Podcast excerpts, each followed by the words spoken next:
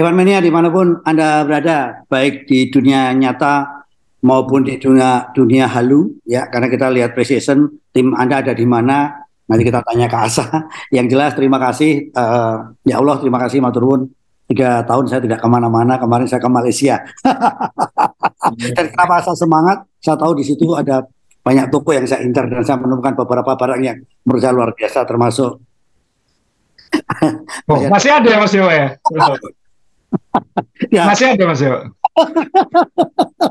anu, sisa-sisa kejayaan Sepang ya. Ya, dan tinggal satu, tinggal satu, tinggal satu saya juga dapat Red Bull gambar banteng itu Red Bull Racing itu oh saya sudah punya lama sekali baik sekarang kita bahas saja dulu nanti kita ngobrol soal merchandise yang harus kita uh, punya yang jelas saya pakai kaosnya Ferrari saya berharap Ferrari yang legendaris ini bisa uh, menjadi uh, penantang tahun ini apa pun sekarang adalah nuisasi, nuisasi ada di mana-mana. Ternyata kemarin kalau kita lihat semua hampir melihat mobilnya Red Bull para pembalap, ya kan.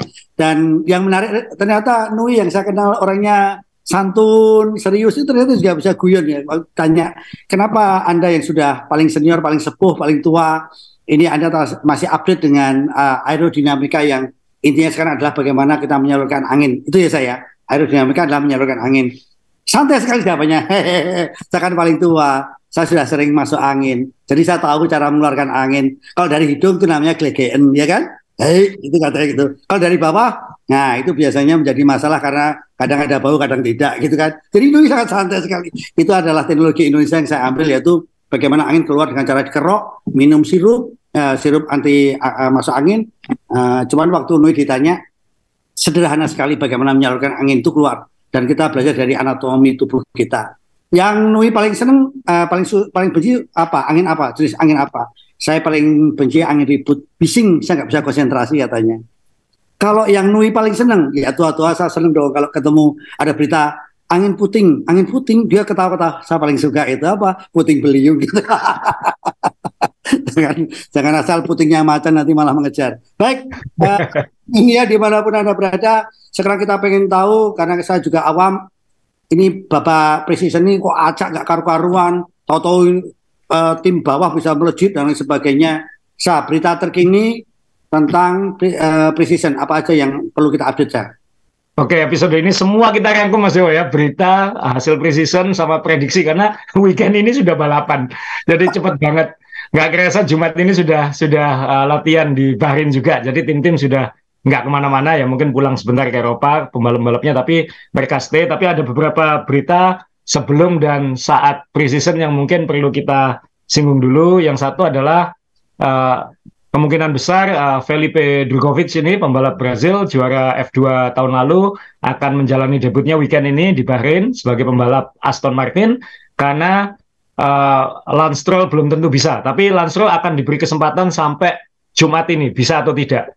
Uh, Lance kan main sepeda sebelum preseason jatuh uh, katanya uh, cedera pergelangan tangan. Saya nggak tahu patah atau retak atau apa uh, dan tidak jelas apakah hanya satu tangan atau dua, tapi tim akan menunggu sampai Jumat ini uh, dia bisa tampil atau tidak. Kalau tidak maka Drogovic yang akan uh, menggantikan. Jadi ada rugi lagi satu akan tampil. Kemudian yang kedua ini agak lucu, uh, mungkin teman-teman juga sudah tahu, Has, uh, ini tim Amerika yang ngejar efisiensi top banget, uh, sponsornya udah sponsor lengkap, udah MoneyGram punya uang sekarang, tapi untuk menghemat 250 ribu dolar ongkos kirim uh, shipping, mereka memutuskan oke okay, hanya tiga orang boleh di pitwall. Jadi biasanya kan sampai enam orang itu kalau kita lihat tim-tim lain, termasuk Has. Ya, mereka dimampatkan hanya tiga orang, salah satunya Gunter Steiner, kemudian yang direktur operasional saat lombanya, uh, dan yang lain di belakang, termasuk bos timnya Jinhas kalau datang di dalam aja, nggak usah di sini katanya. Itu uh, karena kan belum tentu dipakai kursinya, jadi buat apa kita bawa keliling kalau nggak dipakai? Nah, ini top banget, itu efisiensi. jadi hanya tiga kursi di pit wall, jadi yang lain gede-gede dia nanti mini sendiri di situ kayak kayak yang lain bawa Pertamina dia bawa Pertamini gitu mungkin namanya namanya manigram coba mani kilo gede dia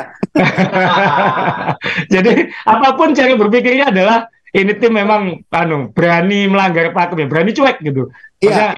nggak tak nggak nggak takut dibilang katrok mas itu itu iya, khas iya, Dan itu karakternya Steiner lah. Jadi orang mungkin juga suka dengan itu gitu. Aku, saya yakin tahun depan ini satu episode sendiri di Netflix. Kemudian yang berikutnya uh, yang ditunggu penggemar Ferrari mungkin sudah diwujudkan bahwa uh, Inaki Rueda yang chief strategis Ferrari ke pabrik sekarang, nggak usah ikut ke balapan. Diparkir di pabrik, tidak usah ikut-ikut operasional di lintasan, digantikan oleh ini keturunan India Mas Dewa, namanya Ravin Jain. Jadi uh, dia oh ini kalau Anda Google lulusannya, jurusannya segala macam ini apa teoretikal fisik atau apa luar biasa ini orang secara kemampuan nanti kita lihat apakah uh, kepintarannya dia ini nanti bisa membalik uh, kebagongan uh, Ferrari saat pit stop dan lain-lain karena dia jadi chief strategis yang baru. Kalau memang ternyata masih bagong, ya mungkin cari uh, lulusan SMA aja di Indonesia mungkin bisa lebih jago. Tidak perlu uh, sekolah tinggi-tinggi. Ini satu lagi. Terus kemudian kita nanti dalam pit stop uh, akan melihat banyak tren baru, yaitu pakai LED di wheel gun-nya. Jadi kalau warnanya hijau tandanya boleh dilepas.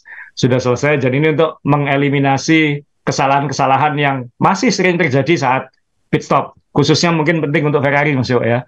Ya. Siapa tahu lagi brain fade, lagi uh, bengong, uh, eh hijau cabut kayak gitu. Jadi ini ini yang baru lagi nanti semua tim ya, nggak hanya nggak hanya Ferrari.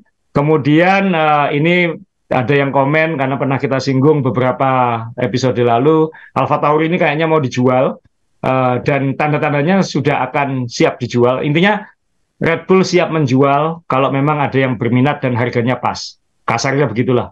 Uh, kalau tidak kalau harganya tidak pas dan tidak ada yang mau beli, uh, Red Bull akan memikirkan cara menutup pabriknya yang di Faenza, yang di Itali, semua dipindahkan ke Inggris. Dan itu saya rasa nggak masalah buat Mas Pepi ya, uh, yang dari Indonesia kan dia mengantornya di Inggris, bukan yang di Itali. Jadi ikut ke ikut ke Inggris. Uh, harganya berapa? Ini yang sekarang jadi perdebatan besar di F1 karena harga jualnya ini nanti akan berpengaruh pada Andretti atau tim-tim yang ingin masuk F1. Karena sekarang ini kan 200 juta dolar dilution fee itu berdasarkan harga jual Williams beberapa tahun yang lalu. Iya. Nah, kalau ini laku di atas 600 juta dolar, maka dilution fee-nya akan diminta jadi 600 juta dolar. Dan itu kalau 10 tim sepakat, itu harus ditaati. Jadi uh, perkembangan terbarunya adalah kayaknya makin berat ini Andretti. Uh, kalau mintanya segitu, tapi saya kira masih akan ada uh, perdebatan dan cara-cara untuk itu. Uh, dan siapa tahu nanti Andretti yang beli Alfa Tauri ini. Kan kita masih belum tahu nanti seperti apa. Mungkin nggak dibeli 100% mungkin masih kongsi sama Red Bull atau apa. Uh, ini perkembangan Al uh, Alfa Tauri ini uh, patut kita ikuti. Uh, dan yang terakhir dan ini akan terkait sama uji coba nanti akhirnya kita melihat mobil Red Bull dan akhirnya semua pembalap melihat mobil Red Bull. Ini foto yang cukup viral ya, teman-teman lihat semua karena mobil Red Bull ini kan benar-benar disembunyikan sampai uji coba di Bahrain. Uh, dan karena sudah di sirkuit, siapa saja bisa mendekat dan melihat. Ini yang jongkok, ini fotografer, lihat kan, ada kameranya. Ya. Lewis Hamilton lihat kokpitnya, Bottas ikut lirik-lirik, ya kan. Magnussen di depannya, ini ada ini mungkin dari Netflix ini. Uh, jadi semuanya penasaran sama mobil Red Bull. Mobil Red Bull ini seperti apa ya? Kok dirahasiakan banget. Ada yang baru lagi nggak ini dari Nui ini, dari Mbah Nui. Uh, dan ternyata nanti kalau kita bahas, kalau kesimpulan saya Mas Dewa, nanti kita bahas saat kita ngomongin Red Bull. Ini ya, kayak ya. mobil tahun lalu dikerok sama ditendang-tendang supaya penyok. Itu aja sebenarnya. Jadi kalau kalau lihat Aston Martin mulus, lekuk-lekuannya halus gitu. Ini enggak ditendang-tendang supaya penyok dan itu lebih cepat. Nanti kita bahas saat saat kita ngomong Red Bull. Jadi kita sekarang langsung ngomong ke uh, hasil uji coba. Jadi sekali lagi jangan bingung lihat datanya karena uh, ini semua sekali lagi uji coba itu kita tidak tahu pembalap itu pakai bahan bakar seberapa banyak, kombinasi bannya seperti apa, setelan ya setelan power unitnya, engine mode-nya seperti apa, uh, patternnya akan kelihatan, tapi pattern, tapi peta kekuatan itu belum tentu berdasarkan catatan waktu ini. Ini dapatnya dari Pirelli ya, karena Pirelli yang merilis hasil akhirnya. Jadi misalnya Red Bull tercepat di hari terakhir, Perez, uh, dia menggunakan ban C4. C4 itu yang termasuk yang paling uh, soft sebelum C5 ya. Uh, dan itu di atas Hamilton, Mercedes, Uh, selisihnya 0,3 detik dengan Hamilton di hari terakhir. Tapi Hamilton pakai C5 yang lebih soft lagi. Jadi kalau misalnya Perez pakai C5, selisihnya mungkin hampir satu detik dengan Mercedes. Bottas tidak jauh dengan Mercedes, Romeo sama-sama C5. C5. Nah, jadi mungkin jangan terlalu dilihat di list ini ya, ada Leclerc yang pakai C4, Sainz yang pakai C4. Uh, ini Leclerc dan Sainz ini kayaknya imbang banget, menghubungkan nanti bukan jadi masalah di Ferrari ketika dua pembalapnya sangat ketat. Uh, kemudian Sunoda di sini juga pakai C4 lumayan, tapi kan waktunya uh, masih di bawah Ferrari. Tapi ini ini lumayan lah kalau dilihat di sini. Uh, Magnussen juga di sini nggak jauh-jauh dengan Alfa Tauri, tapi kita nggak tahu bahan bakarnya seperti apa. Alonso walaupun dia nomor bawah sini Aston Martin tapi ini tim yang paling banyak dibicarakan uh, sebelum dan khususnya saat uji coba tiga hari. Uh, Zhou Guanyu sempat yang tercepat di hari kedua ya, uh, tapi dia pakai C5 jadi ban yang sangat soft. Verstappen yang kita harus lihat ini Verstappen ini dia satu setengah hari pertama, setelah itu setengah setelah itu hari terakhir nggak ikut-ikut tuh.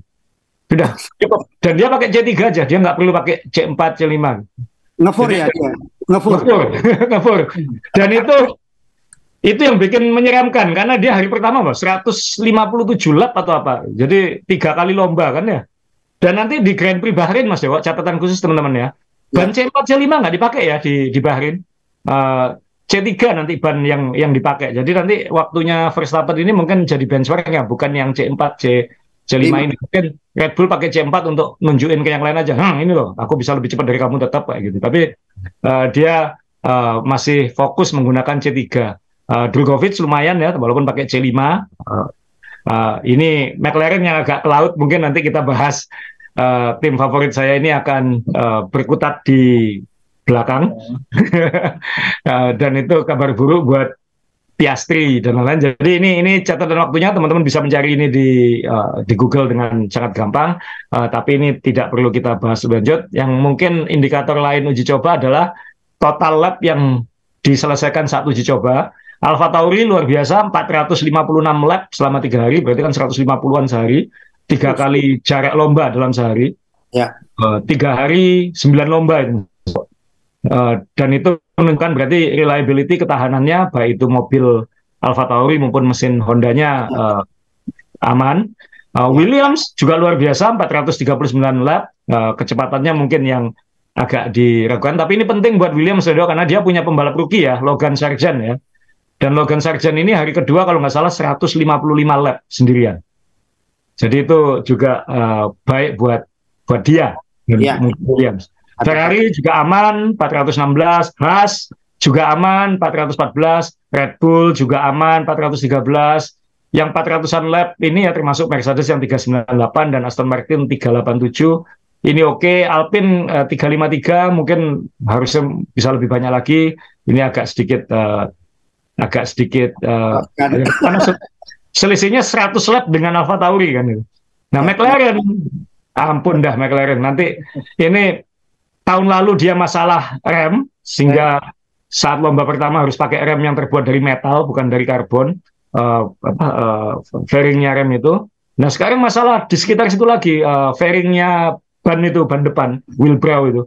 Maksudnya itu itu kan kualitas produksi dan uh, eksekusi kecil-kecil kan Mas dan itu menyebalkan sekali dan dia selisihnya 150 lap uh, dengan Alfa Tauri hampir 150 lap itu itu buat uji coba yang hanya tiga hari itu sangat mengecewakan. Nanti kita akan bahas tim ini satu-satu, uh, tapi overall ini jauh lebih reliable daripada tahun lalu dalam tiga hari. Uh, hanya ada sedikit uh, red flag, hanya ada tiga red flag total kalau nggak salah. Itu pun kecil-kecil. Gitu. Ada sensor lepas di lintasan. Hari ya, pertama ya. Aston Martin uh, mungkin uh, lupa menekan tombol atau apa di COVID sehingga uh, elektriknya ngadat Uh, dan uh, kalau nggak salah Alfa Romeo uh, sempat uh, kerusakan botas di lintasan. Jadi nggak banyak uh, masalah sehingga tim-tim bisa menjalankan program semaksimal mungkin. Tapi ini nggak perlu terlalu diperhatikan. Uh, minimal adalah overall kita akan semakin jarang di F1 melihat mobil rusak. Ya. Luar biasa itu. Itu nggak kayak dulu Mas. Ini udah beda era ini. Ya, Asa, pertanyaan saya. Uh, untuk precision gini masih dihitung enggak ya saya? Oh enggak, enggak, enggak dihitung. Nanti dihitungnya mulai lomba pertama. okay. mulai lomba pertama. Intinya ini benar-benar kita kalau kita melihat ada yang 456, ada yang 311, murni ini adalah mencari data, bukan yeah. dengan efisiensi saya. Ya. Ya. Dan ya dan kenapa saya tadi kita lihat uh, uh, waktu Red Bull berhenti semuanya orang melihat ke situ kelihatan sekali ya kalau Adriano itu kalau lihat mobilnya orang itu pasti dari jauh karena yang lihat adalah bentuknya tapi kalau kita lihat Lewis Hamilton tadi yang lihat kokpitnya dia hanya pengen tahu kedalaman gasnya kalau gasnya dalam berarti bisa kenceng gitu katanya gitu.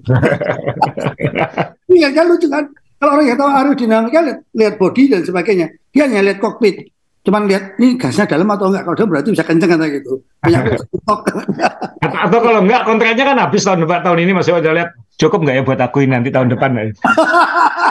Gratisan nggak apa-apa deh buang itu peres aku di sini gitu. Bayarin aku kayak Ayrton Senna dulu misalnya uh, gratis tapi uh, kalau menang satu juta dolar atau apa kayak gitu. Terus, uh, naik lagi image-nya saya. Ya Ya. ya ini ini luar biasa. Jadi kita langsung bahas sekarang ke tim-tim Mas ya. Oh, Jadi uh, ini agak uh, spekulatif, tapi saya mencoba berani. Uh, ciri saya selama oh, udah nggak terasa udah 20 tahun lebih saya nulis tentang F1 uh, atau membahas F1 uh, dan mungkin di Indonesia saya termasuk yang paling berani bikin prediksi kan Mas Dewo.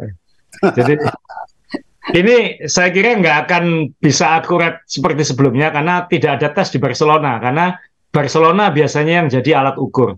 Bahrain itu bukan. Jadi bahwa baik di uji coba, baik di lomba pertama di Bahrain, kita nggak tahu di Arab Saudi nanti yang lebih lurus-lurus seperti apa, kemudian di lomba-lomba berikutnya seperti apa. Karena belum tentu uh, representatif karakter sirkuit Sakir itu untuk mengevaluasi mobil karena tidak ada undulation naik turun, karakter tikungan-tikungannya tidak seperti Barcelona, tidak seperti sirkuit-sirkuit tradisional di Eropa. Uh, tapi untuk acuan awal tahun uh, kita nyebut aja kayak power ranking ini bahwa sekarang situasinya adalah buat penggemar F1 ini saya akan coba urutkan sesuai perkiraan saya setelah uji coba. Uh, ini masih akan sangat acak, khususnya di papan tengah ke bawah ini akan sangat acak, tapi yang paling gampang tahun ini nomor satunya Mas Yo, Red Bull. itu dah. Jadi yang kita-kita yang pengen uh, persaingan seru kayaknya harus harus gini dulu ini. Aduh, ini kayaknya uh, apa?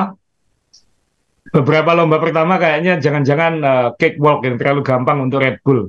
Uh, karena kan dia basis mobil tahun lalunya udah dominan banget menang 17 lomba. Jadi tinggal tinggal dilanjutkan ke musim ini aja udah udah gampang. Jadi ini kayaknya paling santai nih Christian Horner sama uh, Max Verstappen ini kan Verstappen sampai hari terakhir gak usah ikut lah, beres saja aku tak santai dulu gitu ke mana gitu. Nanti saya kembali minggu depan langsung balapan ya, uh, langsung menang ya. Terus habis itu saya pergi lagi ya kayak gitu.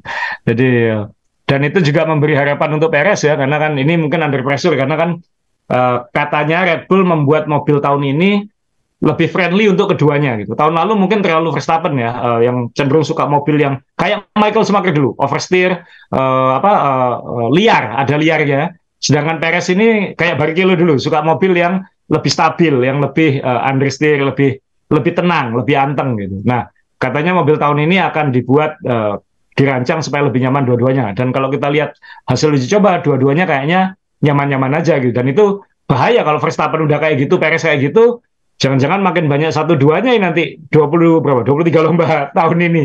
Dan itu bukan kabar baik buat kita gitu. Uh, yang ingin persaingan seru ya penggemar Red Bull mungkin nggak masalah gitu. Nah kita bahas mobilnya Mas Yowo ya. Jadi uh, kunci utama mobilnya tentunya ada di sidepod kalau kita lihat bentuk dasarnya mungkin nggak terlalu beda dengan uh, tahun lalu. Karena memang ya kalau don't change what works sama kalau mobilnya sudah jago ya jangan terlalu diubah. Masalah utamanya apa? Overweight kita buat lebih ringan tahun ini. Lalu hal-hal kecilnya kita optimalkan lagi, apalagi Red Bull kan sebagai juara dunia dan kena hukuman, dia tidak bisa menggunakan terowongan angin dan uh, simulasi uh, eh, CFD sebanyak tim-tim lain. Dan itu akan terasa nanti dalam perkembangan tahun ini, yang mungkin efeknya tahun depan. akhir tahun atau mobil tahun depan. Ya. Tapi kalau saya lihat ini kesimpulan satu, ini kayak mobil tahun lalu, Adrian Nui jalan keliling lalu diinjek-injek Mas Yo, ditendang, tuh penyok. Nah, bagus. Uh, lalu uh, apa namanya uh, uh, floornya diinjek keras-keras supaya lebih dalam lagi ya, coaknya itu, apa? Kroaknya ini. Uh, paling kelihatan kalau nah ini yang ketika fish flow uh, cat flow fishnya itu uh, digunakan. Jadi ini ada kayak apa ya? Ini mungkin kita bisa duduk di dalam ini ungkap gini mas, kan ini saking dalamnya. Dalam gitu cekung, cekung ya. Cekung gitu. gitu Kemudian, ya. jadi ini kayak jadi kayak terowongan kedua gitu kan di bawah mobil kan ada tunnelnya itu yang ground effect itu. Kemudian di sini dibuat paling ekstrim di antara semua mobil. Uh, dan itu ya ini kita lihat lihat catnya aja kelihatan halus mas Yo. Jadi angin ini nggak ke mana-mana ya. Halus kan nggak ada yang nyiprat keluar, nyiprat ke bawah. Jadi iya. ini ini sakti nih karena cara melihatnya kan arah anginnya kan dari flow fish ini kan. Kalau warnanya keluar tandanya uh, anginnya sesuai harapan kira-kira kayak gitu loh. Dan ini lihat ah halus sekali keluar keluar anginnya ini. Ini. Iya, iya, iya. Dan ini ya sebenarnya ini kayak sedikit penyok di sini uh, di tulisan O ini ada penyoknya dikit. Kemudian dalamnya dibuat lebih penyok lagi. Jadi ini ada Nui tinggal mobil tahun depan gimana? Sini mobil yang lama, saya tendang-tendang aja, dak dak dak dak beres. Nah itu ini ini mobil jauh lebih cepat dari kemarin gitu. Ya benar. ini uh, benar-benar uh, detail ya saya. Detailingnya itu cuma main detail aja karena tahun lalu udah bagus gitu ya. Iya, jadi dimampatkan lagi, dirapatkan lagi, dikelola lagi, di, dibuat lebih ramping lagi. Ini bisa lebih penyok lagi ke dalam nggak? Bisa penyokin lagi ke dalam. Mungkin ini luar biasa. Maksudnya ya Adrian Nui dari dulu nggak pernah mendesain mobil yang elegan. Maksudnya dia kalau kita ingat sejarah dia di Williams, mobil dia yang elegan mungkin Leighton House tahun 90 itu. Tapi setelah itu kan mobilnya fungsi fungsi lebih penting daripada bentuk gitu. sampai oh. ada komplain-komplain terlalu sempit segala macam itu kan tipikal mobil Janui jadi sebisa mungkin uh, kalau ini bisa kalau ini di dalamnya seperti ini ya kita pepetkan aja bodinya jangan dibuat longgar gitu maksudnya dimampatkan semua gitu. Itu itu ciri khasnya Nui. Ini kalau kita lihat belakangnya ini lebih ekstrim lagi. Sidepodnya turunnya sampai ke bawah uh, batangan suspensi paling bawah ini.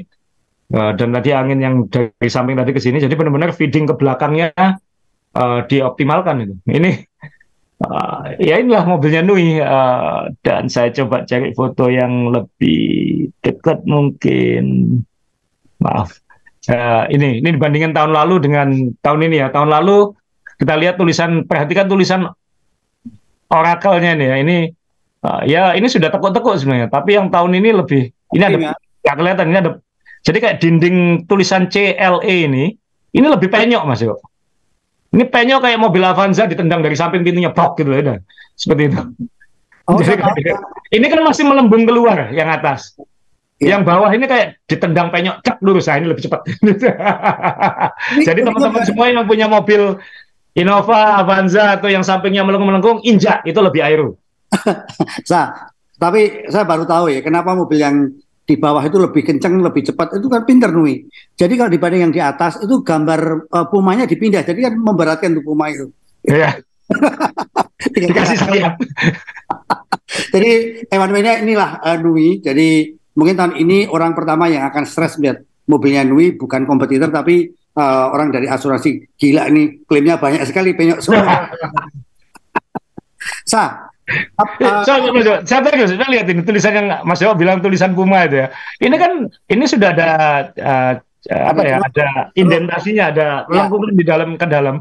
Ini kan lebih ekstrim lagi jauh ini. Besar Jadi, ya. ya itu tadi saya bilang ini tendang aja penyok. Bah ke dalam. Nah itu udah lebih enak ini detail banget ya jadi ya ini hebatnya kalau tim sudah punya basic mobil yang bagus nggak perlu lagi uh, istilahnya kalau kita ngomong membuat yang uh, liar atau apa ini hanya pengembangan pengembangan dan ini yeah. melakukan pengembangan tapi perusahaan perusahaan yang ternyata membuat lebih kecil. Soalnya malah jaminan uh, jaminan. Apakah juga kalau kita bilang Aston Martin ini agak lompat sedikit cuman orang aja yeah. karena katanya ada anak buahnya yang pindah ke Aston Martin dan apakah itu akan bisa kalau kita ngomong Nui ini kan nggak bisa kita mau nyontek itu kan dari yeah. Asadi pernah bilang ke saya saya kan suka motret uh, human interest nggak ada uh, tiap orang beda-beda mas itu kawan bayi bawaan dari bayi. Apakah sama uh, insting seorang Nui dengan anak buahnya yang lebih muda, lebih canggih pindah akan membawa ilmunya? Sa saya kira sama. Uh, banyak cara menuju Roma kan. Maksudnya tiap orang akan punya mungkin mungkin ada yang seperti Nui tapi dia nggak tahan lihatnya jelek gitu. Ini harus harus kelihatan keren. Uh, saya ingat dulu Ron Dennis. Ron Dennis itu uh, kalau sekarang pada rebutan membuang cat, Ron ya. Dennis dulu malah suruh ngecat gitu. Kenapa? Jelek katanya. Tapi ini nambah berat, nggak apa-apa, tapi itu jelek. Kan. Jadi ada Ron Dennis di McLaren dulu kan sangat OCD kan, sangat sangat rapi dalam segala hal. Jadi dia nggak tahan dengan mobil yang jelek. Hmm. Jadi termasuk ada bagian sedikit warnanya hitam gitu. Ini kan nggak ada fungsi ini hitam nggak apa-apa, nggak nggak jelek. Cat putih. Cat putih itu tambah berat. Nggak harus cat putih supaya bagus. Tergantung bosnya juga. Bosnya Aston Martin rela nggak mobilnya dibuat seperti ini gitu. Nah itu Nah, sedangkan di Red Bull, Nui kan diberi kebebasan mutlak gitu. Beda dengan di McLaren dulu, beda dengan di Williams yang pasti uh, dan uh, waktu di Leighton House atau Mark dia mungkin belum punya uang untuk timnya nggak punya uang untuk eksplorasi kemampuannya Nui. Tapi di Red Bull ini dia benar-benar full explore. Dan ini mobil yang yang menyeramkan ya dalam artian secara overall kan nggak beda dengan kalau kita lihat seperti ini kan gelap-gelap gini kan nggak beda dengan tahun lalu gitu. Tapi ini mobil ya mohon maaf buat penggemar tim-tim lain dan penggemar F1 overall, kita khawatir ini lebih dominan dari tahun lalu. Tanda-tandanya sudah sudah kelihatan dan itu F1 mungkin juga sudah mikir yang mati kita ini kalau kalau ini, ini valuasinya bisa turun akhir tahun ini kalau Red Bull terlalu dominan ini. Nah ini uh, kita indikasi tadi Asa bilang bisa dominan apakah seorang Lewis Hamilton yang, yang sampai melongok jarang sekali Lewis Hamilton melongok mobilnya orang lain mobilnya dia yang selalu dilongok orang lain gitu kan. Apakah ini juga tanda-tanda sah uh, Mercedes ketar-ketir juga gitu? Saya kira iya, semua akan menunggu mobilnya Red Bull supaya karena dirahasi akan benar.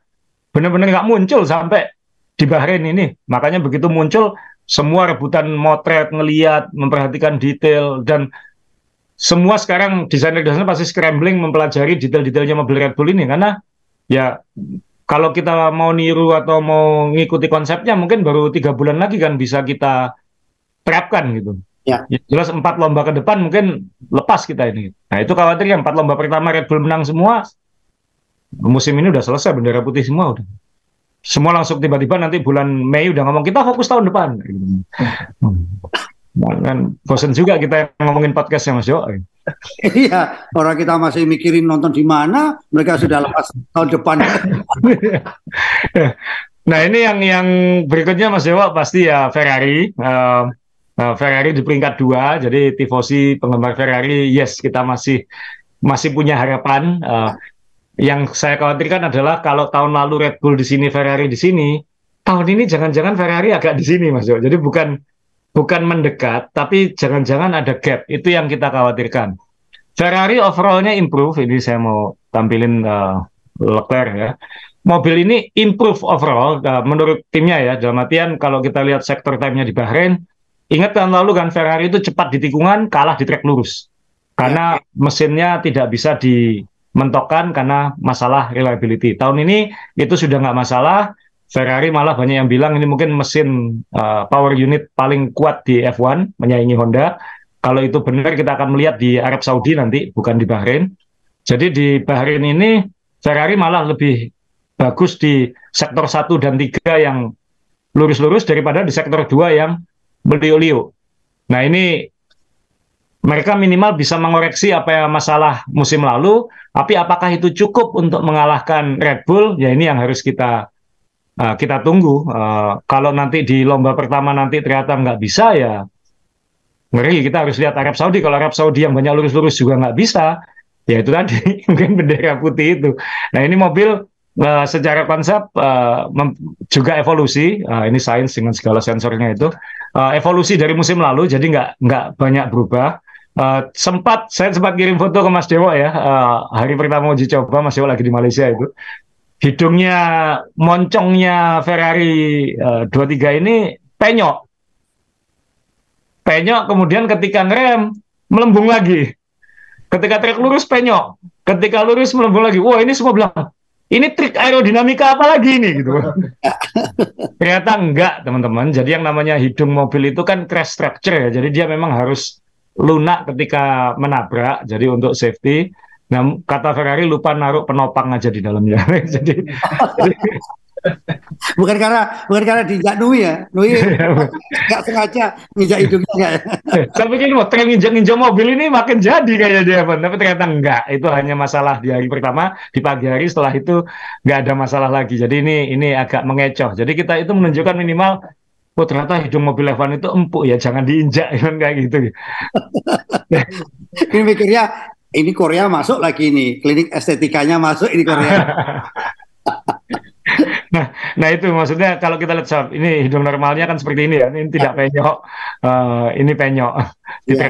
itu menunjukkan betapa besarnya daya tekan yang dihadapi mobil-mobil saat uh, melaju kan Mas Yo. Ya. Tapi ada satu lagi sebenarnya inovasi uh, Ferrari yang uh, baru didebatkan di uh, Bahrain. Dia punya kayak F-duct Mas Yo. Jadi ada angin masuk, kemudian keluarnya di samping kokpit ini.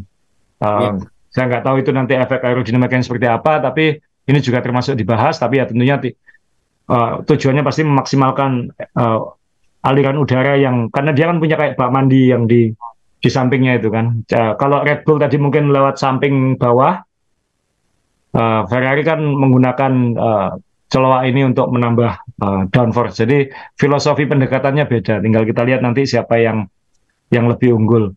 Uh, jadi Ferrari uh, overall uh, optimistis, uh, konsisten, reliable, cepat.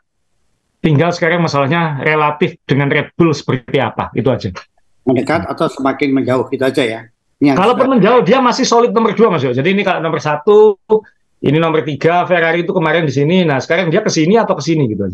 Ya. Itu yang itu yang uh, kita semua berdebar sebagai yang menginginkan persaingan seru moga-moga Ferrari lebih konsisten lah ya kayak gitu. Misalnya cukup dekat sehingga nanti terjadi pertarungan di lintasan. Nah, dan kalau terjadi pertarungan di lintasan, Ferrari nggak lagi seperti tahun lalu yang kalau di trek lurus jadi makanan empuknya Verstappen.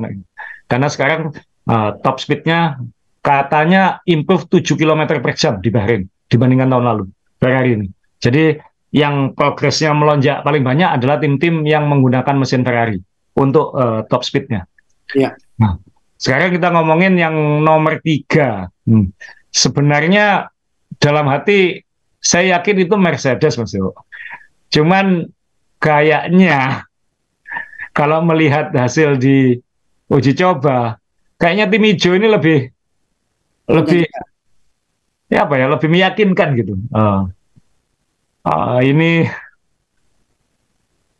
kita akan melihat Fernando Alonso ini Mike Craig ya, prinsipal yang baru, lalu Fernando Alonso. Ini kuda hitam 2000 ini ini bisa seperti McLaren tahun dua tahun yang lalu ya, ketika bisa mencuri-mencuri kemenangan gitu. Ya, ya, ya. Jangan. Jadi Alonso kayaknya langsung cun, langsung top. Uh, sayangnya pembalap satunya mungkin uh, kalau itu Lance Stroll dia masih belum 100%, kalau itu Drogovic dia masih rookie. Uh, tapi itu mungkin menguntungkan juga. Jadi uh, Aston Martin minimal di awal musim bisa fokus ke satu pembalap. Dan pembalap ini kan butuh fokus banyak karena dia baru. Dia masih belum 100% familiar dengan uh, tim ini, bukan hanya mobilnya. Ya. Nah ini yang yang kita tunggu nanti. Uh, ini Alonso ini, maksudnya ini mobil. Kalau tadi kita lihat mobilnya Red Bull itu penyok-penyok-penyok, nggak jelas ini kelihatan anggun maksudnya, maksudnya garis-garisnya tuh smooth gitu kan ya. ya. halus gitu. Kalau dilihat anggun, elegan gitu. Kalau mengingat yang punya bos perusahaan fashion ya bisa aja kan. Ini Drogovic uh, saat uji coba kita lihat mobilnya tuh lebih anggun. Warnanya saya masih agak kurang seret karena hijaunya dibilang gagah enggak, dibilang soft enggak. Jadi agak buat saya agak ada gimana. Apalagi banyak hitamnya sekarang kan. Ya. Uh, dan ini ada ada uh, rem rem ya apa pelusutan di dalam. Jadi di, di tengah-tengah setpotnya ada pelusutan turun itu di sini dan ini mobil kelihatan nggak kayak kelihatan mobil yang kejam tapi efektif gitu. Jadi ini tim yang apa ya uh, solid, strong, uh, konsisten. Ya ada sedikit masalah reliability tapi uh, kan kutipannya di F1 kan lebih baik, lebih gampang membuat mobil cepat reliable daripada mobil lamban suruh cepat. Nah itu ini uh, mungkin Aston Martin sudah satu langkah uh, ke yang lain ini. Kalau dari samping kan ini kayak Red Bull yang halus, Red Bull yang sangat penyok, yang di yang dirawat. Ya. Ini kalau ada Adrian Newey ditendangi mungkin. Hmm. Uh, Sa, ini ukur Alonso keberadaan Alonso di uh, uh, tim barunya gitu. Kalau menurut Asa, ini Alonso ini benar atau salah meninggalkan tim lamanya? Karena di tahun ini dia mendapatkan mobil seperti uh, yang Asa bilang tadi, Aston sangat uh, improve. Kemudian juga kalau kita lihat uh, Vettel sudah meninggalkan padahal mobilnya dia yang mulai membangun juga begitu kan. Nah ini Alonso ini di pihak yang untung atau rugi kalau menurut Asa? Sekarang saya tanya Mas Dewo, Alonso ini biasanya gajinya 20-30 juta setahun. Ya. Ini terungkap baru-baru ini bahwa ketika pindah ke Aston Martin, ya. karena dia mungkin nggak tahan dengan ketidakpastian di Alpine itu, ya. uh, dia hanya digaji 5 juta dolar. Uh. Dan itu berarti gajinya lebih kecil daripada Bottas, lebih kecil daripada Perez, uh, lebih kecil daripada Sainz, dan ini mungkin gaji terkecil dia mungkin dalam sekian belas tahun. Uh, hanya 5 juta dolar uh, semusim. Mungkin ada bonus ya kalau poin berapa, uh, kalau menang berapa, podium berapa, mungkin ada tambahan di atas itu. Tapi uh, 5 juta dan itu berarti dia ngambil gambling. Tapi dia mungkin karena usianya udah 41 tahun ini, mungkin aku mau 2-3 tahun di Aston Martin, yang penting aku tetap di F1, daripada aku ngambil 10-15, tapi aku harus berjuang terus untuk bertahan atau tidak. Iya. Nah, dalam konteks ini rugi atau enggak? Uh, saya pikir tidak sah, karena ini ternyata saya menilai dari passion ya. Ini orang masih punya passion yang luar biasa. Ya. Beda dengan Vettel yang maaf uh, masih misalnya sama umurnya atau lebih muda, tapi dia udah udah aku cabut aja, berarti dia udah nggak punya passion. Ya. Cuman kita lihat aja nanti tahun kedua apakah ya, gajinya akan naik atau tidak tergantung prestasi oh, itu. Ya. ya ini ini dia menunjukkan ya itu tadi passion tadi. Ini ambisi kan masih ambisi, ini jadi hobi buat dia sekarang. Ya. Jadi hobi buat dia sekarang. Dan itu buktinya dia masih dia di uji coba itu kelihatan uh, saya tidak nonton full uji cobanya semua ya saya uh, laptopnya nyala terus cuman kan saya tinggal 4 jam pak 4 jam sore 4 jam malam sampai setengah 12 malam jadi saya nontonnya sambil lalu tapi ketika ada Aston Martin keluar biasanya pengen lihat juga kayak gitu dan memang Alonso ini kelihatan dia ingin menghajar mobil ini dan dia pengalaman kan dia tahu ini mobil kalau aku giniin kayak gimana kalau aku giniin kayak gimana dan itu itu akan baik buat uh, Aston Martin. Jadi saya kira uh, mungkin masih di bawah Mercedes tapi ini paling pengganggunya sekarang. Uh, ini kayak McLaren uh, dua tahun lalu yang di sirkuit tertentu atau di momen tertentu bisa lebih baik daripada tim utama Mercedes. Mesinnya Mercedes kan Mas Yo? Ya ya. Jadi ini ini kita lihat nanti dan ini tim punya kemampuan untuk berkembang Ya. Dan karena dia kemarin ranking 7, dia punya lebih banyak waktu di terowongan angin dan CFD untuk mengembangkan. Jadi dia mungkin berada di posisi sweet spot untuk untuk melonjak ini. gitu. Ya. Jadi antara ganggu dan nggak ganggu. Gitu. Ya. Nah ini yang yang uh, Aston Martin. Ya senang lah kalau memang ada kuda hitam, kalau memang harus ada dominasi di depan, minimal ada kejutan-kejutan itu kan baik juga buat buat F1. Ya. Nah, karena karena itu Aston Martin saya tempatkan di atas Mercedes. Jadi setelah ini Mercedes di peringkat 4 dan ini saya menampilkan betapa ekstrimnya perbedaan mobil Mercedes dengan Ferrari. Ferrari masih sampingnya lebar, sidepodnya lebar dengan uh, ada bak mandi wastafel di atas, sedangkan uh, Mercedes ini bahunya tinggi, memanjang ke belakang, uh, bazokanya ini, tapi sidepodnya sangat minimalis. Jadi ini menunjukkan dua pendekatan yang sangat berbeda kan Mas Dewa. Uh, dan sejauh ini Ferrari masih oke, okay, masih di situ. Mercedes malah makin bukan makin meragukan. Tahun lalu kan dia kacau balau gitu, tapi tahun ini dia kok nggak ngelonjak ya. Kan kita semua punya ekspektasi Mercedes akan mengoreksi masalah tahun lalu, dia ngelonjak minimal uh, setara dengan Ferrari. Tapi yang terjadi malah dia berkutat dengan Aston Martin dan itu dan itu nggak nggak baik gitu ini Aston Martin. Ya ini mobil Mercedes yang dibawa kita lihat uh, sidepodnya masih konsep seperti tahun lalu, tidak ada terowongan di samping seperti Red Bull. Uh, ini seperti lantai pipih gini aja. Jadi mungkin dia ke, saya nggak tahu apakah ini kehilangan area untuk untuk mengolah angin di atas karena seolah-olah bablas gitu aja. Sedangkan Ferrari diolah di atas, Red Bull diolah di samping bawah, dia ya. kayaknya bablas begitu aja gitu. Nah ini apakah itu area yang uh, dia kehilangan? Uh, Toto Wolff sudah bilang bahwa kalau konsep ini tidak kurang pas di awal musim, dalam beberapa lomba mereka punya konsep B. Gitu. Nah konsep B itu apa? Apakah kayak Red Bull? Apakah kayak Ferrari? Uh, ketika Mike Elliott, uh, dari, uh, bos teknisnya Mercedes itu diwawancarai di Bahrain, dia bilang, ya kita punya konsep B, tidak itu tidak seperti Red Bull tetap dengan cara kita. Nah, seperti apa itu? Kalau nanti ternyata di lomba weekend ini di Bahrain berantakan, mungkin akan dipercepat dan kita akan melihat versi B dari mobil Mercedes ini, yang khususnya terkait dengan konsep uh, sidepod. Ya. Jadi ya kita ini ini tim masih masih belum meyakinkan gitu. Uh, ini Russell. Jadi porpoisingnya udah hilang. Positifnya adalah porpoisingnya sudah hilang.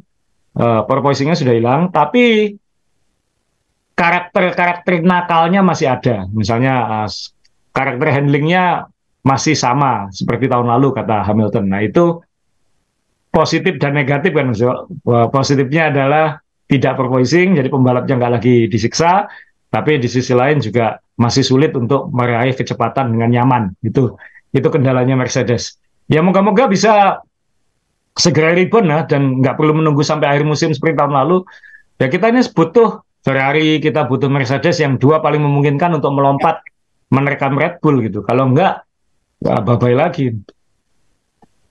Eh, Mercedes uh, setelah Mercedes siapa sah? Kalau ini kan kita ngomong ya. uh, atas saja, kita sebut papan atas pengganggunya adalah Aston Martin, anggap aja. Ya. Atau kalau enggak kebalik Aston Martin yang ketika ini yang pengganggunya. Tapi kan kita Mercedes memang harus tetap bersaing di atas kan harapan kita kan ya.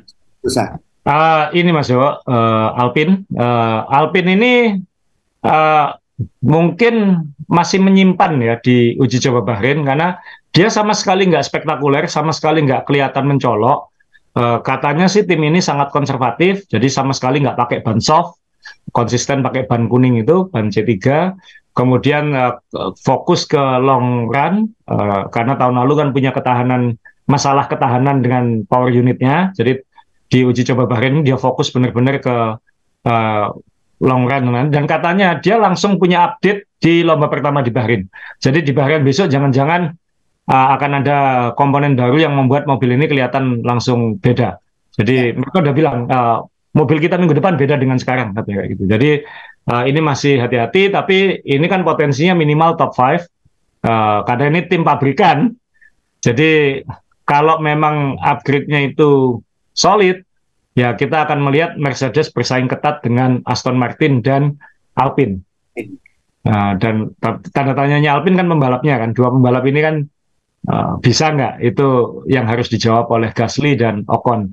Itu yang yang uh, jadi tanda tanya. Karena secara mobil kan dia konsepnya kan tidak ada yang banyak dibahas kan dia tenggelam dalam percakapan kan Mas Yo sekarang uh, dia tenggelam dalam percakapan uh, konsepnya kan dia ya Red Bull bukan Ferrari bukan.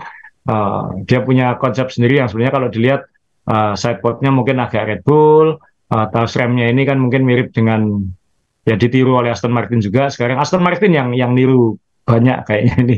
Jadi ini tim ini tim masih uh, ya tim pabrikan jadi harus minimal lima besar. Tapi kita belum tahu uh, packing ordernya di mana. Minimal ya tiga empat lomba nanti lah. Gitu. Yang jelas dia punya punya power unit yang powerful. Masalahnya tahun lalu adalah ketahanan. Nah yang sulit sekarang setelah lima ini mas Yo. Jadi belakangnya ini wah ini acak luar biasa ini. Termasuk uh, Williams yang sudah nggak boleh lagi pupuk bawang ini, ini uh, benar-benar uh, urutan yang seru. Tapi untuk sementara saya naruh di nomor 6 adalah Alfa Romeo Sauber. Uh, karena mobilnya kelihatan cakep ya. Uh, orang Alfa Romeo bilang mobilku seksi kan kayak gitu. Jadi uh, ini mobil uh, lincah uh, tahun lalu tidak tahun lalu sebenarnya lumayan di awal musim juga. Dan mungkin tahun ini juga sama di awal musim. Dan dia ketolong mesin Ferrari baru yang yang harusnya lebih powerful. Dan dia punya botas kan yang harusnya secara kemampuan level atas gitu. Tinggal nanti dan Botas bahagia di sini. Jadi dia nggak nggak banyak tekanan nggak banyak apa. Jadi bisa kemampuannya bisa lebih keluar gitu. Tapi ini nggak mungkin akan ketat dengan uh, Has jadi 6 dan 7 ini akan akan ketat. Has ini mobilnya makin lama dilihat makin kelihatan paling simpel ya Mas ya. Kan dia tim-tim lain kayak uh, eksplorasinya keren gitu tapi dia kayaknya nggak terlalu apa ya nggak terlalu iya. Mobilnya kayaknya maaf mau kayaknya paling simpel ini. Karena uh, ya dia dia pasti niru paling niru Ferrari dia gitu karena iya. banyak banyak komponennya didapat dari Ferrari banyak uh, apa uh, desain office-nya lo nempel ke Ferrari sehingga oh. mungkin Ferrari juga menggunakan ini untuk khas untuk eksperimen uh, tapi dia punya dua pembalap yang solid yang reliable yang uh, tidak banyak membuat kesalahan. Jadi sama seperti Alfa Romeo mungkin uh, dua mobil bermesin Ferrari ini mungkin peluang terbesarnya adalah di awal musim. Ya. Jadi tinggal uh, pertengahan poin, poin, poin, dari poin ya, bisa bertahan atau tidak itu itu itu urusan urusan nanti gitu. Jadi 6 Alfa Romeo, 7 Haas dan itu berarti tim favorit saya melintir ke peringkat 8. Jadi aduh McLaren. Nah, ini ini tim agak yang menyebalkan Mas Yo. Kalau mobil itu punya masalah handling dan lain-lain itu kan bisa diperbaiki. Tapi ketika tim punya masalah operasional kecil-kecil itu gimana? Ini tim bukan hanya secara waktu nggak spektakuler, secara uh, jumlah lap paling sedikit, karena masalahnya kecil-kecil mas. Ini saya ada uh, ini nak ngambil dari video tayangan ya. Uh, ini mekanik yang sedang berlutut ini, dia menempel lak semacam lakban mas Yo uh, ke wheel fairing ini. Wheel fairing ini lepas-lepas saat uji coba. Maksudnya untuk level tim F1 hal kecil kayak gitu bikin masalah itu kan agak memalukan ya, mohon maaf. Ini juga ada baut-baut penguatnya di sini. Berarti ini kan quality produksi, quality control, maksudnya eksekusi pemasangan. Ini kan berarti kan lemah gitu. Jangan-jangan uh, McLaren kan kita ingat beberapa tahun terakhir kan memang sempat mau bangkrut, lalu mengeluarkan banyak orang. Ketika kembali lagi harus membangun lagi mungkin uh, timnya dan lain-lain. Dan mungkin ini kita melihat efeknya ini sekarang. Bagaimana uh, quality issue kan. Masalah kualitas. Ini sama kayak kita beli mobil di dealer keluar tiba-tiba banyak lepas. Lo lo banyak lepas. Gitu nah ini kan uh, untuk tim F1 kan sangat nggak level gitu sangat nggak level dan untuk tim yang rela membayar Daniel Ricciardo puluhan juta dolar untuk tidak balapan, balapan punya masalah seperti ini ini kan jangan-jangan manajemen isu sekarang kayak gitu. Nah ini yang uh, saya agak khawatir di McLaren karena tim ini ya mohon maaf ini tim agak saya agak kecewa ini. Uh, kan ini Piastri mungkin kenapa ya kita nggak di Alpine aja kemarin kayak gitu. Iya benar juga sa. Jadi uh, Ricardo juga ya alhamdulillah dapat dapat duit, dapat bonus di Red Bull juga nanti tinggal tunggu aja siapa yang bermasalah gitu kan? Iya. dan dan ini ini Mark Webber ya manajernya uh, yang juga terkenal salah pindah tim terus dulu. Uh, kemudian uh, ya ini nggak baik buat McLaren lah. Uh, dan tim ini kan ketika launching sudah pesimistis. Uh, kita sudah bahas waktu launching itu. Kemudian ketika uh, apa namanya uh, sebelum uji coba uh, Andrea Stella bos barunya bilang, prinsipal barunya bilang uh, kita sudah menemukan masalah ini, tapi masalah ini baru bisa kita koreksi dalam 2-3 bulan. Jadi balapan keempat nanti kita baru bisa mengoreksi. Wah, dan itu kabar buruk buat uh, Lando Norris dan Piastri ya. Ini ini mobil yang banyak masalah ini. Mungkin lebih baik balapan gini, banyak kawat-kawatnya gini aja sekalian minimal tim-tim lain nggak berani nyalip. Kayak main Mad Max Fury Road aja ini, tabrak kamu gitu. Iya. Uh, ini kalau kita lihat uh, McLaren berarti memang benar-benar benar-benar terburuk atau menyimpan. nggak mungkin nyimpan rasanya kayaknya kayak ini yang yang sandbagging malah menurut saya kayak Ferrari atau Alpine malah mungkin yang kalau mau nyimpan loh ya. Iya iya iya. Ya. Nah ini ini saya kira ini benar-benar tim dalam masalah gitu dan itu uh, nggak baik ya. Ini McLaren gitu. Maksudnya McLaren nah baru setelah itu, nah sembilan sepuluhnya ini juga bukan berarti sembilan dan juru kunci mas ya. Ini ini bisa lebih baik daripada McLaren. McLaren bisa juru kunci nanti balapan minggu minggu ini akhir pekan ini gitu. Jadi uh, saya menempatkan uh, Alfa Tauri di sembilan sekarang. Uh, Murni karena tahun lalu uh, dia lebih baik daripada Williams dan dia lap paling banyak uh, relatif nggak ada masalah uh, dan mungkin juga masih punya potensi lebih baik lagi tinggal dua pembalapnya ini kan uh, Sunoda uh, Sunoda bisa grow up atau enggak. Kayak anak kecil banget ya kalau lihat foto ini ya. Uh, kemudian uh, Nick De Vries bisa mencapai ekspektasi enggak? Uh, sejauh ini Nick De Vries dapat pujian sih. Dia ini memang rugi katanya baru satu lomba. Tapi dia ini umurnya udah mau 28 tahun. Uh, dia ini juara berbagai kategori punya banyak pengalaman pernah jadi test driver tim-tim papan atas.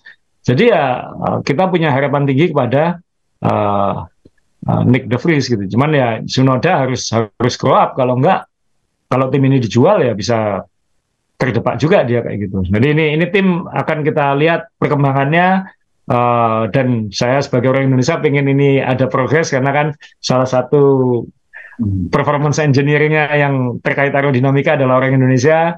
Uh, jadi ya kita ingin uh, kita ingin lihat uh, tim ini improve lah. Dan saya kira Red Bull juga ingin tim ini improve banyak karena kalau improve banyak harganya kan lebih mahal. Sebentar saja, jadi saya jadi curiga sa. Kalau tadi Asa bilang uh, ini akan dijual, mungkin pasti juga. Siapa tahu yang ngambil Honda kita juga nggak tahu juga. ya itu dia uh, banyak banyak anu lah. Uh, Honda, Andretti, ada beberapa hal, ada beberapa pihak lain yang mungkin uh, ingin masuk F1 ya. dengan cepat. Tapi kalau saya, kalau ini investor murni mungkin sekarang sudah berat karena terlalu mahal. Ini berarti kan buy saat high. Buy itu kan saat low. Kalau yeah. saat high ini mau naik ke berapa itu kan belum tentu. Apalagi kalau Red Bull dua tahun ke depan dominan terus, buy high tahun depan low low low kan berat juga gitu. F1 ini kan lagi booming booming bulan madu gitu. Jangan sampai itu jadi uh, terpancing itu juga. Jadi ini masih masih fluktuatif lah. Uh, sedang naik ya, sedang meroket malah. Cuman apakah ini sustainable itu yang masih belum belum teruji. Ini udah kita ngomong uh, business finance sudah. Uh, kita ngomong yang terakhir uh, Williams, tapi ini sekali lagi bukan berarti terakhir. Beda dengan beda dengan tahun lalu yang dia terakhirnya tuh selisih gitu maksudnya. Ini oh. enggak, ini kemungkinan besar dia akan ikut bertarung di papan tengah itu dan itu berarti di belakang serunya luar biasa. Uh, ketika di depan nanti Red Bull menjauh, mungkin syutingnya banyak ke belakang karena banyak tarungnya di situ mungkin. Uh, dan Logan Sargent ini juga uh, relatif solid, uh, 155 lap ya hari kedua kalau nggak salah. Uh, mobilnya juga kelihatan oke okay ya Mas Jo, maksudnya nggak kelihatan pupuk bawang tanda kutip. Uh, ini mobilnya kelihatan besar walaupun direktur tekniknya udah keluar dan belum punya direktur teknik baru. Uh, jadi ini masih tim dalam transisi dan kita semua tahu bahwa Dorilton Capital pemiliknya adalah uh, perusahaan finance. Jadi kalau ada yang mau beli tim ini pasti akan dijual, apalagi dibelinya 200 juta dolar hampir. Kalau harganya nanti 600 juta dolar kan berarti dalam tiga tahun empat tahun naik tiga kali lipat. Jadi ini tim tim yang sedang diperdagangkan teman-teman. Uh, yang yang saya suka adalah ketika pakai flowfish warna oranye. Kok lebih keren pakai flowfish ya, sembur-semburan gini daripada hitam aslinya. Oke, Sa, ini uh, yang jadi pertanyaan adalah tim-tim pemakai mesin Mercedes improve, Mercedes Mercedes sendiri juga lagi dalam tanda petik uh, perbincangan mereka dia turun. Yang kedua Ferrari uh, tetap di, uh, di posisi yang sama, tetapi pemakai mesin Ferrari juga naik. Apakah in, ini indikasi bahwa lah lupakan yang di depan lah, udah biarkan lepas itu. Kita nonton yang uh, tengah itu kan lebih seru lagi karena memang bukan bukan pembalap yang istilahnya mesin kacangan gitu kan. Ini mesin sangat kompetitif semua di papan tengahnya. Apakah cara yang hemat supaya kita tidak stres untuk menikmati tahun tahun ini seperti itu? Yang saya khawatirkan ya. kan kita Mas Dewa ingat waktu kita dulu kita dulu kan paling aktif liputan zaman Michael Schumacher ya. ya. Uh, jadi uh, kalau teman-teman yang nggak ngikuti sejarah kita berdua, kita ini sejak awal 2000-an sudah uh, rajin liputan F1 uh, dan kita sudah ke Bahrain ini saat Yuki Tsunoda belum lahir. Uh, jadi, saya fotomu saya email belum dibuka emailnya. Oh iya iya. Ya, jadi, dulu. Iya iya. Uh, maaf lupa upload fotonya, tapi uh, yang jelas uh, kita sudah ke Bahrain tahun 2006 ya. Uh, Sunoda udah lahir tapi masih balita. Uh, dan apa ya? Uh, kita dulu kan hiburan kita kan mengamati tim gurem kan Mas. Kita kita lihat Minardi, lihat tim-tim yang belakang itu itu hiburan kita gitu. Kalau tim belakang dapat poin tuh kayak gitu. Nah ini uh, tahun ini kan sebenarnya kita nggak di F1 ini sudah nggak ada lagi tim gurem, udah nggak ada lagi tim papan bawah sebenarnya. Ya. Uh, apa saja dia peringkat 10. Nah, yang kita lihat nanti peringkat 6 sampai 10 ini akan seru luar biasa. Nah, ini mungkin kalau memang ternyata setelah empat lomba nanti Red Bull sudah jauh di atas yang lain, ya mungkin hiburan kita harus beralih ke situ gitu. Cuman apakah itu cukup untuk mendongkrak penonton F1 kan F1 pasti pengennya seru di depan bukan seru di belakang.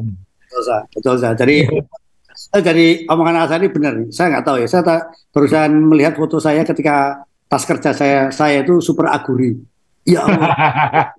itu ada saya sampai udah tas-tas saya yang lama-lama mau saya figur aja kan masih ada super aguri. Super aguri saya punya Jordan di masa jaya dan Jordan di masa buruk. Uh, kemudian apa Force India, Force India enggak lah ya papan tengah masih. Ya tim-tim tim-tim belakang itu lah maksud itu yang Ya, yang sedih lagi kemarin saya di kantor saya ketemu tas kerja saya berhonda saya. Yang warna hijau muda keren sekali. Ya. Tapi yang tas travel tra, travel bagnya dipakai teman kantor tapi di kubruk ke. Oh, ya Allah, mana mana. Tas gede gajah. berhonda saya bilang, ya itulah teman-teman. Jadi inilah saya memang jujur senang tim kecil karena apa? Kalau dapat poin itu rasanya sudah itu tidak mengganggu jantung saya ya daripada saya senang seneng apa uh, tim tim besar dan itu kalau kalah itu bikin emosi. Eh kemarin kan saya nggak bisa tidur kenapa? Ini Iga kalau nonton BTA tenis kan saya ini Iga ini menang kalau kalah ternyata kalah. kan harus nonton live skornya. Bapak tidur, bapak tidur. Jadi ini nah, saya kembali ke Formula One saja. Jadi asal tadi menarik ya. Formula One tahun ini beda dengan tahun 2000 yang pertama kali saya lihat. Ternyata sudah tidak ada lagi mobil mogok dan tahun dulu itu kalau mobil pawan atas mogok biasa gitu kan. Dan sekarang memang F1 sudah berubah total. Sebenarnya ini um, menariknya di mana sah? Karena apa? Kadang-kadang mogok itu juga sesuatu yang menghibur ya. Udah lap terakhir, udah mau finish, mogok. Itu terjadi kan. Terus kalau sudah mobil, uh, kalau kamera sudah mesut, udah close up, mobil yang sedang mau uh, yang yang ada di depan, tahu-tahu di shoot terus ada apa ini, ada apa ini, ngasep nih, ngasep nih. apa yang merubah semuanya? Kenapa mobil sekarang jadi lebih kompetitif? Teknologi atau memang uh, mesin yang lebih sempit, lebih kecil dengan kondisi seperti ini lebih lebih hebat daripada mesin mesin dulu? Ya pasti didikte uh, regulasi ya, regulasi hanya boleh sekian power unit selama satu musim, sehingga uh, itu memaksa para engineer, para desainer untuk mendesain komponen yang toleransi kualitasnya jauh lebih tinggi sehingga benar-benar harus bisa tahan sekian lama. Dan itu menunjukkan juga progres teknologi kan Mas Yo dalam artian uh, mobil mobil F1 itu dulu Mika Hakkinen lap terakhir meledak dus itu kan sakit hati gitu nah ini tahun ini kan kalau kita lihat lomba misalnya Max Verstappen mimpin satu menit yang lain kan kita sama sekali nggak was-was ini mobilnya bakal rusak Iya kan, seolah-olah nggak ada kekhawatiran. Yang ada kekhawatiran adalah pembalapnya bikin kesalahan lalu melintir kan kayak gitu. Ya. Nah ini yang uh, yaitu menunjukkan betapa tingginya uh, teknologi, uh, teknologi produksi, toleransi, uh, toleransi engineering, toleransi uh, uh, industri ya dalam artian standar orang-orangnya, standar alat-alatnya, uh, dan tentunya simulasi-simulasinya. Ini memang ya levelnya luar biasa. Itu ya. uh, mobil secepat itu bisa awet sekian lomba itu kan luar biasa. Tahun ya. Dulu kalau kualifikasi biasa saja mengorbankan satu mesin berani saya dulu ya. Ya, dulu dulu punya qualifying spesial kan mobil ini mesin hanya untuk satu qualifying. Ya, ternyata lebih kayak orang lama daripada orang baru. ya itulah. Uh, jadi ya uh, overall uh, uji coba sudah selesai weekend ini kita akan nonton lomba. Soal catatan waktu, overall ini rata-rata satu setengah detik lebih cepat dari tahun lalu, ya. katanya uh, uh, hitungannya. Uh, walaupun sudah dinaikkan 15 mili supaya lebih uh, untuk untuk menghindari porpoising dan menahan laju mobil, tapi ternyata tetap lebih cepat satu setengah uh, detik dari tahun lalu. Jadi kita lihat nanti uh, weekend ini peta peta yang utuh ya. Kita lihat peta semu sekarang nanti kita lihat peta utuh. Moga-moga peta semuanya nggak benar lah gitu. Uh, supaya persaingannya lebih seru dari yang kita bayangkan. Ya, kadang enggak nanti lihat nanti hari Jumat Red Bull 1-2 dengan selisih satu detik. Kemudian qualifying Red Bull 1-2 dengan selisih satu detik. Minggunya matiin aja TV-nya begini. Asal ada lagi ya, Uh, itu aja uh, dan terakhir masih banyak yang nanya nonton di mana sejauh ini di Bein Sport ya. Uh, ya. Ada aplikasinya juga kalau mau download bisa nonton di situ. Ya Indonesia masih agak dirikan ini oleh F1 yang moga-moga nanti ke depannya lebih enak. Uh, cukup sulit untuk live TV ya karena jamnya prime. Uh, di Indonesia semua tahu lebih baik sinetron daripada olahraga. Uh, jadi ya moga-moga nanti ke depan F1 bisa lebih seperti waktu awal 2000-an Mas ya. Jadi tontonan tontonan yang luar biasa dulu kalau minggu malam kan sepi jalan orang nonton F1 dulu itu. Ya, ya kalau kamu juga suaminya pasti aku ke kafe aja yang ada TV-nya. ya. ya. Oke, okay, Ewan Mania, terima kasih Asa. Uh, cerita aja saya mau tutup ini dengan sebuah kebahagiaan. Empat hari saya di Malaysia saya ketemu mantan PR-nya Sepang Sirkuit saya ketemu mantan uh, apa uh, sales manajernya. Yang menarik Asa ketemu Pak Asam. Asa juga kenal kenal dengan Pak Asam. Ternyata Pak Asam ini tujuh tahun menjadi drivernya keluarga Michael Schumacher selama di Malaysia sehingga saya dapat ID card pas uh, tamunya Michael Schumacher di mana pun dia ada saya boleh berangkat asal tiket dan pesawat bayar sendiri dan yang menarik kemarin sempat ngobrol, pernah Michael Schumacher pernah. Itu kalau setir kenceng sekali, saya nggak pernah boleh nyetir. Jadi saya nyetir selama di Malaysia. Dan yang menarik saya dapat tujuh atau delapan bajunya Michael Schumacher. Itu benar-benar original pit crew Michael Schumacher gitu kan. Katanya dia waktu saya sulit ke uh, sulit keuangan, satu saya jual di internet laku 21 juta katanya. Jadi saya masih simpan tujuh baju punya Michael Schumacher. Ini kabar menarik teman-teman kalau kita suka hewan. Cerita-cerita semacam ini bagi saya adalah wah ini nos gitu kan menyegarkan kita bisa terkagum-kagum. Sekali lagi hewan Mania jangan lupa komen apa pun di bawah ini. Ini adalah forum silaturahmi untuk kita.